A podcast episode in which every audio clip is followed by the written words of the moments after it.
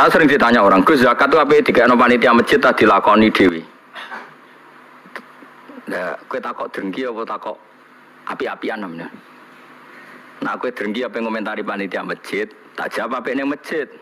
Ben sifat dengkimu buat lawan dewi. Gak Gus, objektif. Jawaban saya gampang. Misalnya saya punya uang satu juta. Kebetulan yang miskin tuh ponaan saya atau orang yang tidak wajib saya tanggung. Jadi kocok zakat itu kan nggak boleh diberikan orang yang wajib ditanggung. Misalnya anak istri kan wajib ditanggung, tapi kalau ponaan misanan kan sudah ndak ndak tanggungan, ndak wajib maksudnya ya boleh dilakukan. Maka aturannya Quran jelas dahulukan dil kurba orang yang punya unsur apa kerabat.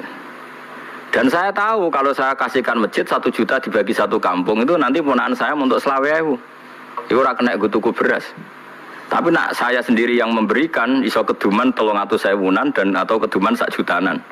Saya harus mengasihkan langsung dengan cara ini corong Jawa ke moto. Pemberiannya ke moto.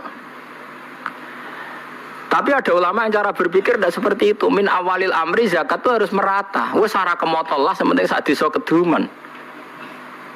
Kayak manuk doro Allah. Termasuk madhab syafi'i yang dikontrol oleh ashabnya adalah madhab ini. Ini dengerin nih, yang ada di Mu'in di Anam.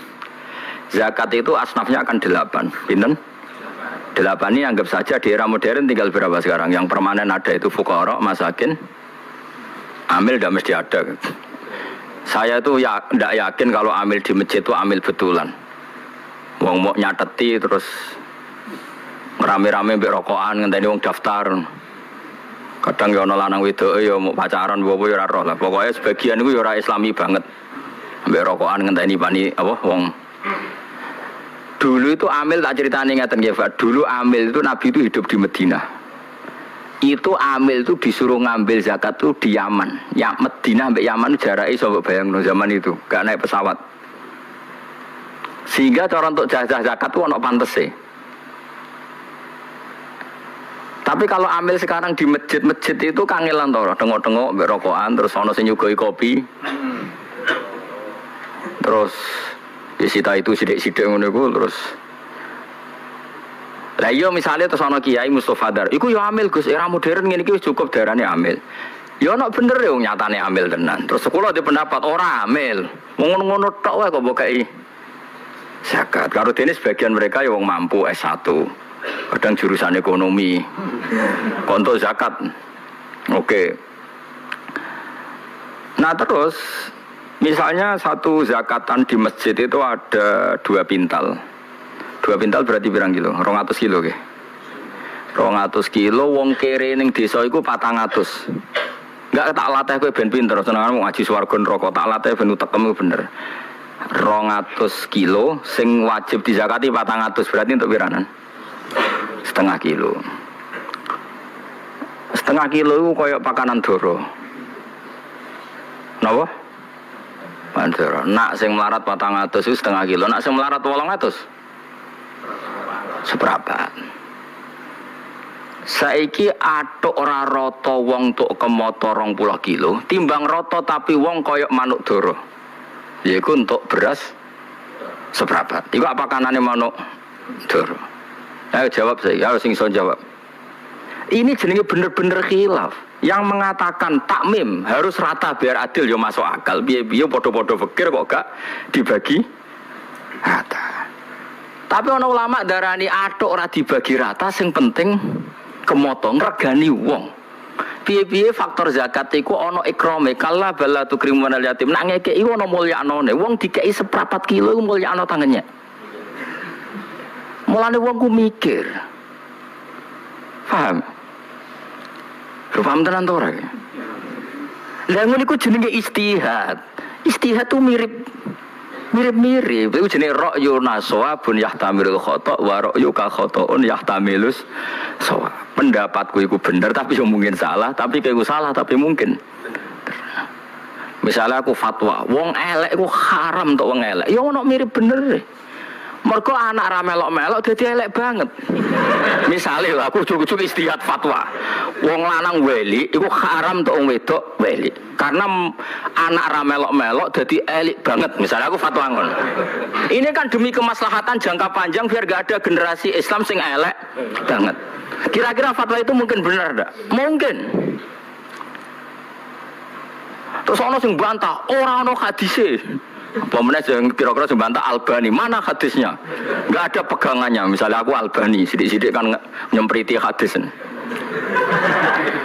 Nah, ya ono bener. Terus ono wong nih sing pendapat, jogeman untuk wong suge. Biasanya wong untuk wong suge itu diburono. Wong alim untuk wong wedok suge diburono. Ya ono bener ya, rata-rata wong kiri diburono wong suge. Ya kadang ya ono salah. Aduh diburono lah numpak Innova, timbang majikan tapi satpam. Misalnya, ya ono miripe. Itu pendapat asal tidak masalah iman dan Islam, kafir dan tidak kafir, iku sawabun yahtamilul khotok wa khotoun yahtamilus sawab. Sehingga mulai dulu lama itu kalau khilaf tuh ya biasa-biasa ketemu koncone sing khilaf tuh ya biasa. Imam Syafi'i itu pernah sholat di masjidnya Abu Hanifah ya tidak kunut. Padahal beliau orang sangat-sangat mensyariatkan kunut. Abu Hanifah sudah meninggal. Karwanis kapundut ditanya, lima adalah taknutu ya Syafi'i ya Abu Abdillah Jolani ikroman lihadal madhab. Aku ngerkani madhab iki. Terus tak tonton mana ini kau nak paham buangeten. Kue sholat duhur dengan sadar satu rakaat rukuk dua itu sah apa enggak? Loh, rukuk dua kali kan? Di rokaat ula, kue rukuk dua kali sanda ndak menambahkan satu rukun rukuk. Ndak sah. Sholat tuh batal dengan menambahi satu rukun. Jadi kena rukuk dua kali, sholat duhur loh. Sah ndak? Ndak sah. Nambahi sujud tiga kali. Ndak sah. Karena termasuk sholat tuh batal dengan menambahkan satu rukun. Yang amdan sengaja. Sekarang saya tanya, sholat mayit itu modelnya di sini takbirnya berapa kali? Empat. Wes yakin? Wes tak takoi mas jawab ya. Wes keliru lah. Gue cah murid teh masih beringosan kan murid kita. Gitu. Takbir patang rokaat itu rukun apa sunat? Rukun yang bab sholat jenazah takbir empat rokaat itu sehingga dijelaskan sholat jenazah itu rukunnya empat yaitu takbir empat kali yang setelah pertama baca fatihah setelah kedua baca sholawat setelah ketiga doa setelah keempat sebenarnya salam. Tapi kayak Indonesia doa yang kayak jadi ngomongnya sebenarnya di Mekah di mana mana setelah takbir keempat itu langsung tak kono sing tahu tahu haji ya. Bertakbir keempat sing tahu umroh. Di Mekah langsung salam atau ibu dungo? Langsung langsung salam. Tapi datang Indonesia? Dungo. Jadi dungannya pemimpin aneh sudah sampean yakin kalau empat empat tadi rukun tak latih fakir. Kemudian ada orang yang sholat takbir sampai lima kali atau enam kali batal nggak dalam sholat jenazah? Lo enggak jawab sih. Rata-rata ulama mengatakan tidak batal karena Allah Akbar mujarrodu zikri. Iso wae dekne Akbar niat rukun tapi mujarrodu zikri. Wong zikir kok ora oleh. Tapi ada ulama mengatakan dalam konteks sholat jenazah takbir itu sudah rukun sehingga kalau nambah itu ya batal, berarti nambahi rukun. Lalu jenis pendapat ini yang mirip bener mirip salah. Lah wong awam-awam koyo kowe ora dadi dhuwit kok geger wae iku elek meneh. Elek meneh, elek elek wong ya kowe iku anggere menyangkut dhuwit ngono kok geger. Mergo ora dadi duwe. Welek meneh kan rokok. Ngomongan niku mari rokok. Nah seperti itu terus tak bedheki meneh misalnya.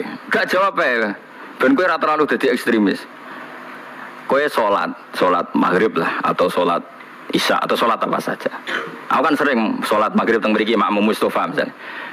Setelah Mustafa salam pertama, yang menjadi rukun sholat itu salam pertama apa kedua? Tidak jawab saja. Pertama. Terus Mustafa ini Mustafa jenggot ini Mustafa ini Mustafa. Tapi jenggot itu sunat tuh musim muni muni jenggot mau ngenyak mau ngelem raro aku. ya Mustafa kan sering jadi imam ya. Nah Mustafa wes salam. Wes assalamualaikum warahmatullahi wabarakatuh. Nih apa wabarakatuh? Kau biasa apa? Warahmatullahi wabarakatuh. Uni unimu masukkan. Assalamualaikum warahmatullahi Mustafa salam. Ketika Mustafa salam statusnya dia keluar dari sholat apa masih sholat? Tidak jawab saja. Keluar dari sholat. Itu ada ulama mengatakan kalau makmumnya kesuwen duduk karena menunggu Mustafa salam kedua, apa mana nak kesuwen rontok banget, maka sholatnya makmum batal. Karena dia menggantungkan sholat sama orang yang sudah ada sholat. Masuk akal orang. Nah, ini cerita saja. Pendapat itu masuk akal enggak? Masuk akal. Bagaimana mungkin orang yang masih sholat menggantungkan hubungan sholat sama orang yang sekarang sudah ada Oke makmum sopo, makmum Mustafa. Lah saya kira ora sholat kok bawa makmumi. Aneh enggak makmum orang sama orang yang sudah ada sholat? Aneh enggak? Kowe ora aneh mergo kira iso ngaji. Lah yo ya selama ini nganggep gak aneh mergo kira iso ngaji. Coba saya bar ngaji iki kok kowe terus aneh.